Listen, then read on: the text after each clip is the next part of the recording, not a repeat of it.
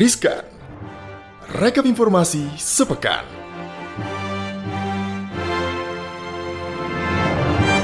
Selamat pagi, selamat siang, selamat sore, selamat malam, Sobat Cuan. Hai, Hai, hai, hai.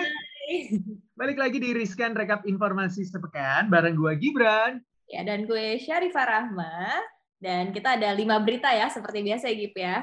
Benar banget. Kita udah siapin sejumlah informasi nih buat sobat-sobat cuan yang paling banyak sobat cuan baca di cnbcindonesia.com dan paling sobat cuan soroti. Ini nih yang informasi yang paling gue sorotin juga nih Syarifah dan juga sobat cuan ya ini terkait dengan harga tes antigen yang udah turun ternyata. Jadi kan kalau kita mau terbang tuh kan gue nih beberapa kali traveling, nggak traveling sih, maksudnya ada kerjaan keluar dari Jabodetabek atau Jakarta, entah ke Sumatera atau mungkin ke Sulawesi.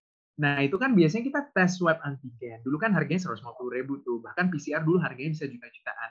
Nah kali ini untuk swab antigen itu khusus wilayah Jawa Bali udah maksimal harganya 99 ribu nih Syarifah. Karena Kementerian Kesehatan menurunkan harga rapid test untuk antigen. Jadi Direktur Jenderal Pelayanan Kesehatan Kementerian Kesehatan, Profesor Abdul Kadir mengatakan bahwa tarif tertinggi antigen di Jawa Bali itu hanya Rp99.000.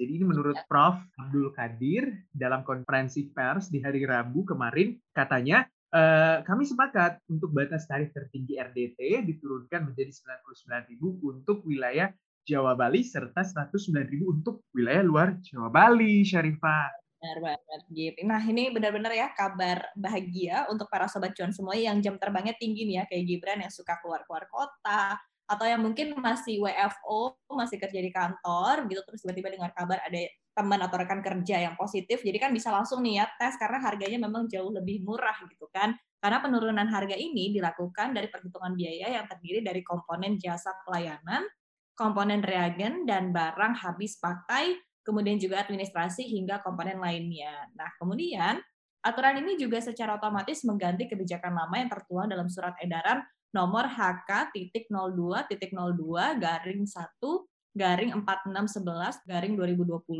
yang dikeluarkan per tanggal 18 Desember 2020. Nah, sebelumnya, batasan tarif tertinggi untuk rapid test antigen ini Rp250.000 untuk Pulau Jawa dan Rp275.000 untuk luar Pulau Jawa. Jadi lumayan banget ya Gip ya karena berkurangnya lebih dari setengahnya. Benar banget. Selain antigen sebenarnya untuk PCR juga itu udah jauh lebih murah tahu untuk wilayah Jawa Bali. Terakhir itu setahu gua nih harganya itu di angka kalau untuk salah satu maskapai nih ya yang include gitu pembelian itu 275.000. Bahkan ada maskapai juga yang menggratiskan untuk tes PCR tapi untuk beberapa uh, pembeli tiket atau beberapa ratus deh kalau nggak salah pembeli tiket yang membeli tiket tersebut di hari itu gitu. Ah. Nah, jadi bisa dikatakan walaupun kamu nggak berpergian, jadi kamu lebih aware buat kesehatan kamu nih sobat cuan, kamu bisa melakukan tes entah antigen atau mungkin PCR.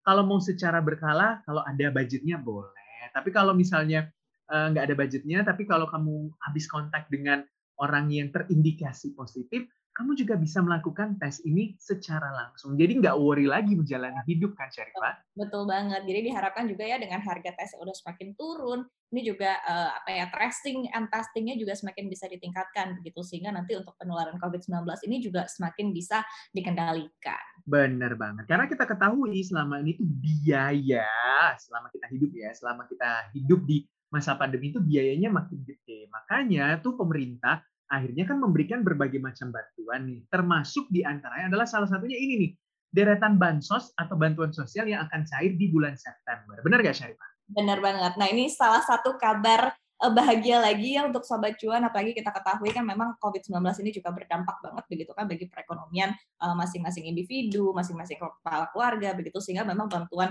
ataupun juga bansos dari pemerintah juga terus digencarkan. Nah, kemudian saat ini juga bansos terus disalurkan pemerintah di tengah kebijakan PPKM yang berlanjut, di mana bansos ini merupakan bagian dari kebijakan program pemulihan ekonomi nasional atau PEN. Nah, ini dicatat ya Sobat Cuan semua. Jadi di bulan September ini ada beberapa bansos yang akan cair. Seperti apa nih, Gip? Salah satunya. Program Keluarga Harapan nih, Syarifah. Program Keluarga Harapan atau PKH akan disebarkan kepada 10 juta penerima, yakni anak sekolah sampai dengan ibu hamil. Anak sekolah tingkat SD akan mendapatkan Rp900.000 untuk tingkat SMP 1,5 juta rupiah dan SMA 2 juta rupiah. Sementara untuk ibu hamil yang diberikannya adalah 3 juta rupiah per tahun. Dan untuk mendapatkan bantuan PKH, Sobat Cuan harus memiliki kartu perlindungan sosial. Kalau belum punya, bisa terlebih dahulu mengajukan permohonan kepada RT, RW, dan disampaikan ke kelurahan. Ada bantuan apa lagi, Syarifah? Nah, yang kedua adalah bantuan subsidi upah. Jadi pemerintah ini memastikan akan kembali menyalurkan bantuan subsidi upah atau BSU atau subsidi gaji tahap keempat. Nah, adapun kriteria dari penerima BSU adalah pekerja dengan gaji paling banyak 3,5 juta rupiah per bulan dengan besaran bantuannya adalah 1 juta rupiah. Kemudian selain gaji maksimal 3,5 juta rupiah, penerima BSU juga tidak menerima bantuan sosial lainnya seperti kartu prakerja, program keluarga harapan, hingga bantuan produktif usaha mikro. Jadi artinya bagi Anda atau sobat cuan yang mungkin sudah mendapatkan bansos lainnya, maka tidak akan mendapatkan BSU. Jadi dibagi-bagi ya ke yang membutuhkan juga, kemudian kalian juga yang ingin mengetahui apakah terdaftar atau enggak sih sebagai penerima BSU eh, begitu ya, bisa melakukan pengecekan langsung aja secara online melalui situs BPJS Ketenagakerjaan. Benar banget. Selain itu ada juga nih eh, bisa dikatakan bantuan sosial ya, karena diskon tarif listrik. Diskon tarif listrik 50% sampai Desember 2021 bagi pelanggan rumah tangga golongan 450 volt ampere dan 900 volt ampere. Ada juga bantuan uang kuliah. Jadi pemerintah selama ini juga ikut meringankan biaya pendidikan nih yang diberikan maksimal 2,4 juta rupiah. Bantuan ini juga diberikan kepada sekitar 300 ribu mahasiswa dengan syarat merupakan mahasiswa aktif bukan penerima KIP kuliah, bukan penerima bantuan beasiswa bidik misi, atau beasiswa dan bantuan lain dari pemerintah dan juga kondisi keuangan mahasiswa membutuhkan bantuan KT untuk pembayaran semester ganjil. Nah, tapi kan ada juga nih yang masalah biasanya kalau udah kuliah, aduh kuota internetnya habis gimana?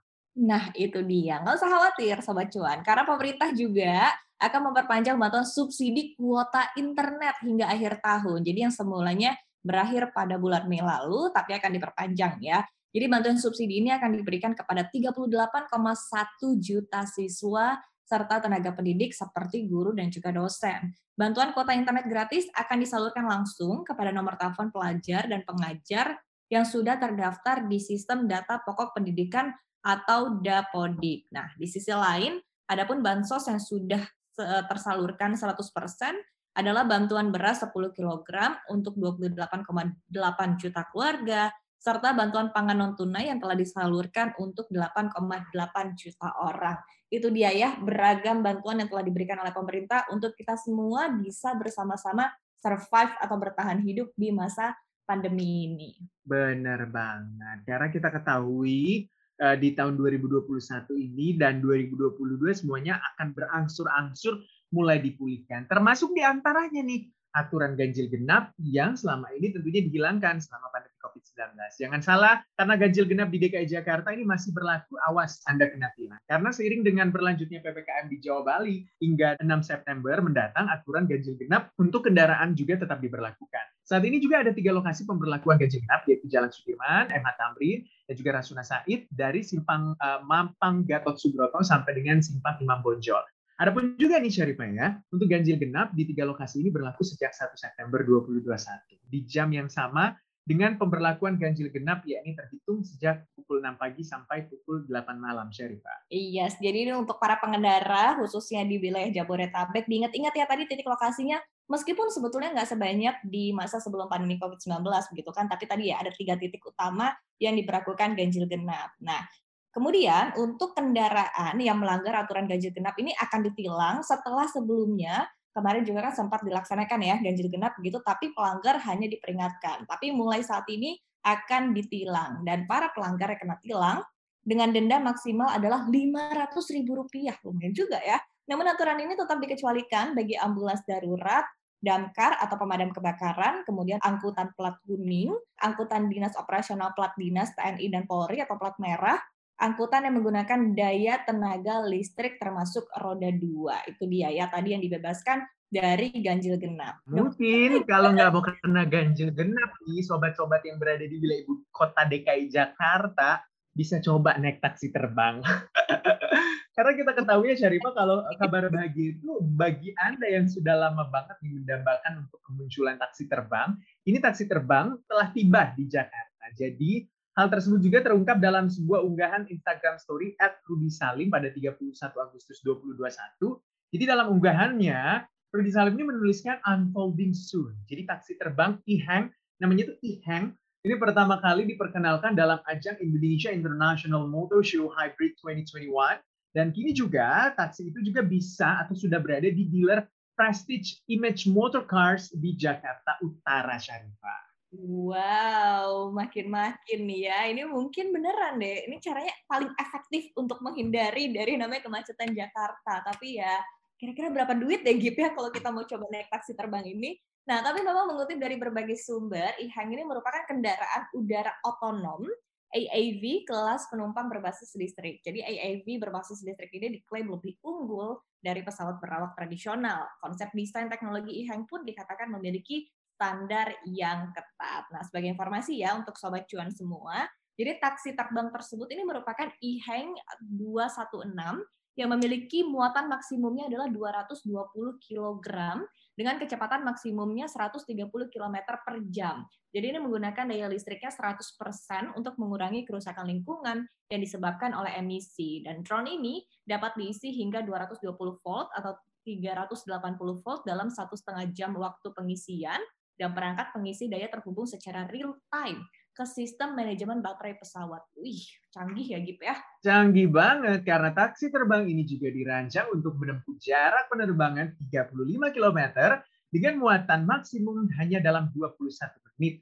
Dan drone ini juga mampu mencapai ketinggian hingga 3000 meter dengan spesifikasi tinggi 1,77 meter dan lebar 5,61 meter. Uniknya lagi nih ya Syarifah, IHENG 216 ini memiliki 16 baling-baling dan 8 lengan yang bisa dilipat sehingga efektif dan juga menghemat area parkir karena hanya akan memakan lahan seluas 5 meter persegi. Dan IHEM 216 ini juga diklaim ideal sebagai transportasi modern yang cocok bagi daerah perkotaan yang padat karena hanya membutuhkan ruang pendaratan yang sedikit sesuai dengan kebutuhan mobilitas udara perkotaan dan berfungsi sebagai cara yang efektif untuk mengurangi tekanan kemacetan.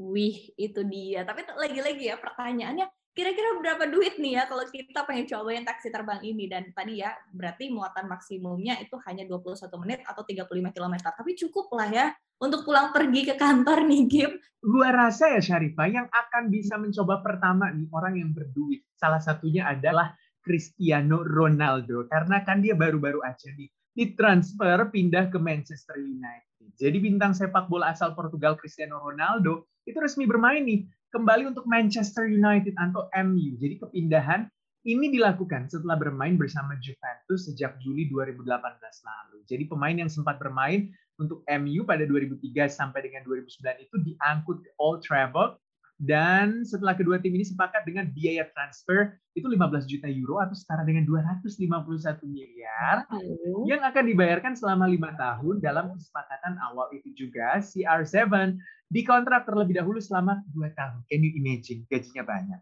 Wow, dahsyat yang pasti benar banget ini bisa pakai taksi terbang tiap hari deh intinya ya. Jadi Ronaldo ini mampu berkiprah lebih baik ya. Kalau Ronaldo ini mampu untuk berkiprah lebih baik, maka biaya itu bisa dinaikin lagi Gip, bahkan sebesar 8 juta euro atau setara dengan sekitar 134 miliar rupiah.